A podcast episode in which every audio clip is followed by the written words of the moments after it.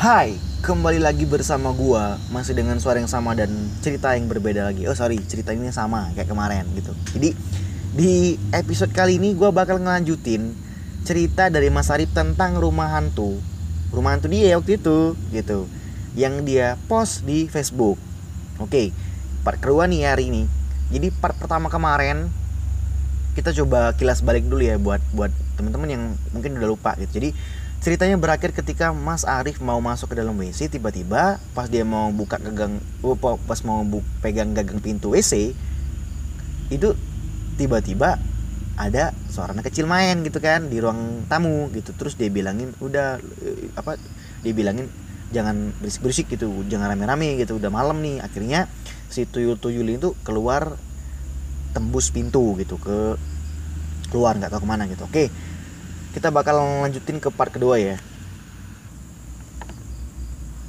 Jadi setelah dua minggu pertama menempati rumah kontrakan tersebut aku baru bisa menjalankan usahaku mebelnya. Oh sorry usaha mebelnya. Aku punya enam tukang kayu dan dua tukang ukir. Dua bulan berikutnya aku naik aku nikahan dan istriku kuboyong ke Jepara. Oh jadi pada saat dia diganggu pertama kali itu dia tuh belum nikah gitu setelah dua bulan tinggal di situ, dia nikahan dan istrinya diboyong ke Jepara. Selama itu sebenarnya banyak penampakan buset. Namun gak begitu istimewa, hanya paling sekelebat saja atau suara langkah kaki di malam hari. Tapi tetap disturbing gitu ya, ngeganggu dong. Siang jarang terjadi gitu, jadi kebanyakan malam. Malam itu, aku sama istri sedang menikmati acara TV. Istriku tiduran di pangkuanku.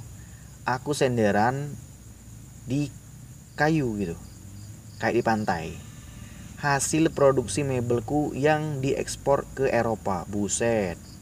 Keren keren ekspornya sampai ke Eropa cuy. Kami nonton TV sambil ngemil dan ngobrol ringan mengomentari acara TV jika menonton TV posisiku menghadap ke arah ruang tamu. Oke kita kita inget-inget ya. Kemarin juga dia itu kan nggak jadi dari ruang tamu pas dia mau masuk ke WC gitu. Nah, jadi kalau dia nonton TV itu menghadapnya ke ruang tamu. So lebih jelas lagi dong gitu. Apa yang bisa dia lihat di ruang tamu kalau ada kejadian. Jadi kalau nggak ke arah ruang tamu nih posisi aku menghadap ke arah ruang tamu tuh menghadap sejurus dengan arah rumah. Artinya membelakangi pintu ke arah dapur. Oke I see.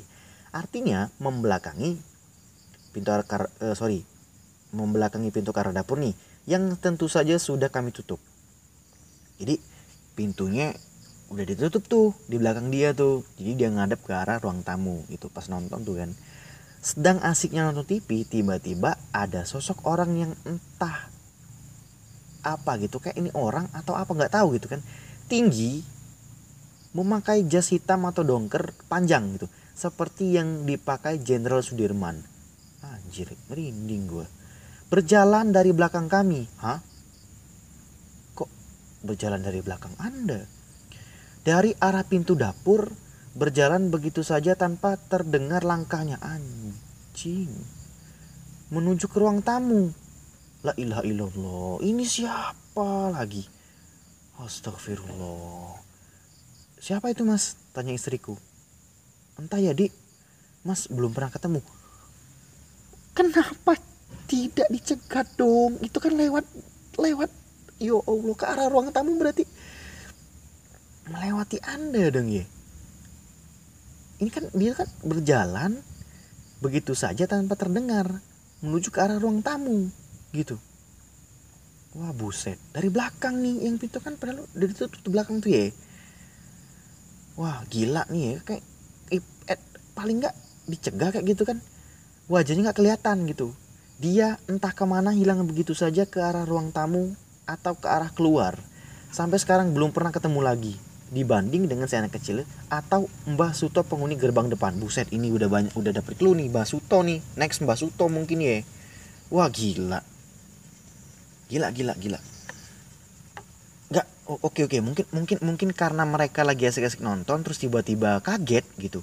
Kayak ada orang lewat jadi saking kagetnya mereka tuh mungkin ya mungkin saking kagetnya mereka nggak sempet buat cegah atau apa gimana. Tapi kan maksud gue tuh kayak lu ketika ada orang yang baru yang lu kagak kenal kan at least lu nyegah eh lu siapa? gitu kan. Lu negor apa kayak lu nanyain kayak lu curiga tiba-tiba ada orang orang masuk ke dalam rumah lu gitu kan. Atau memang dia ini udah feeling nih bukan orang kayaknya gitu ya.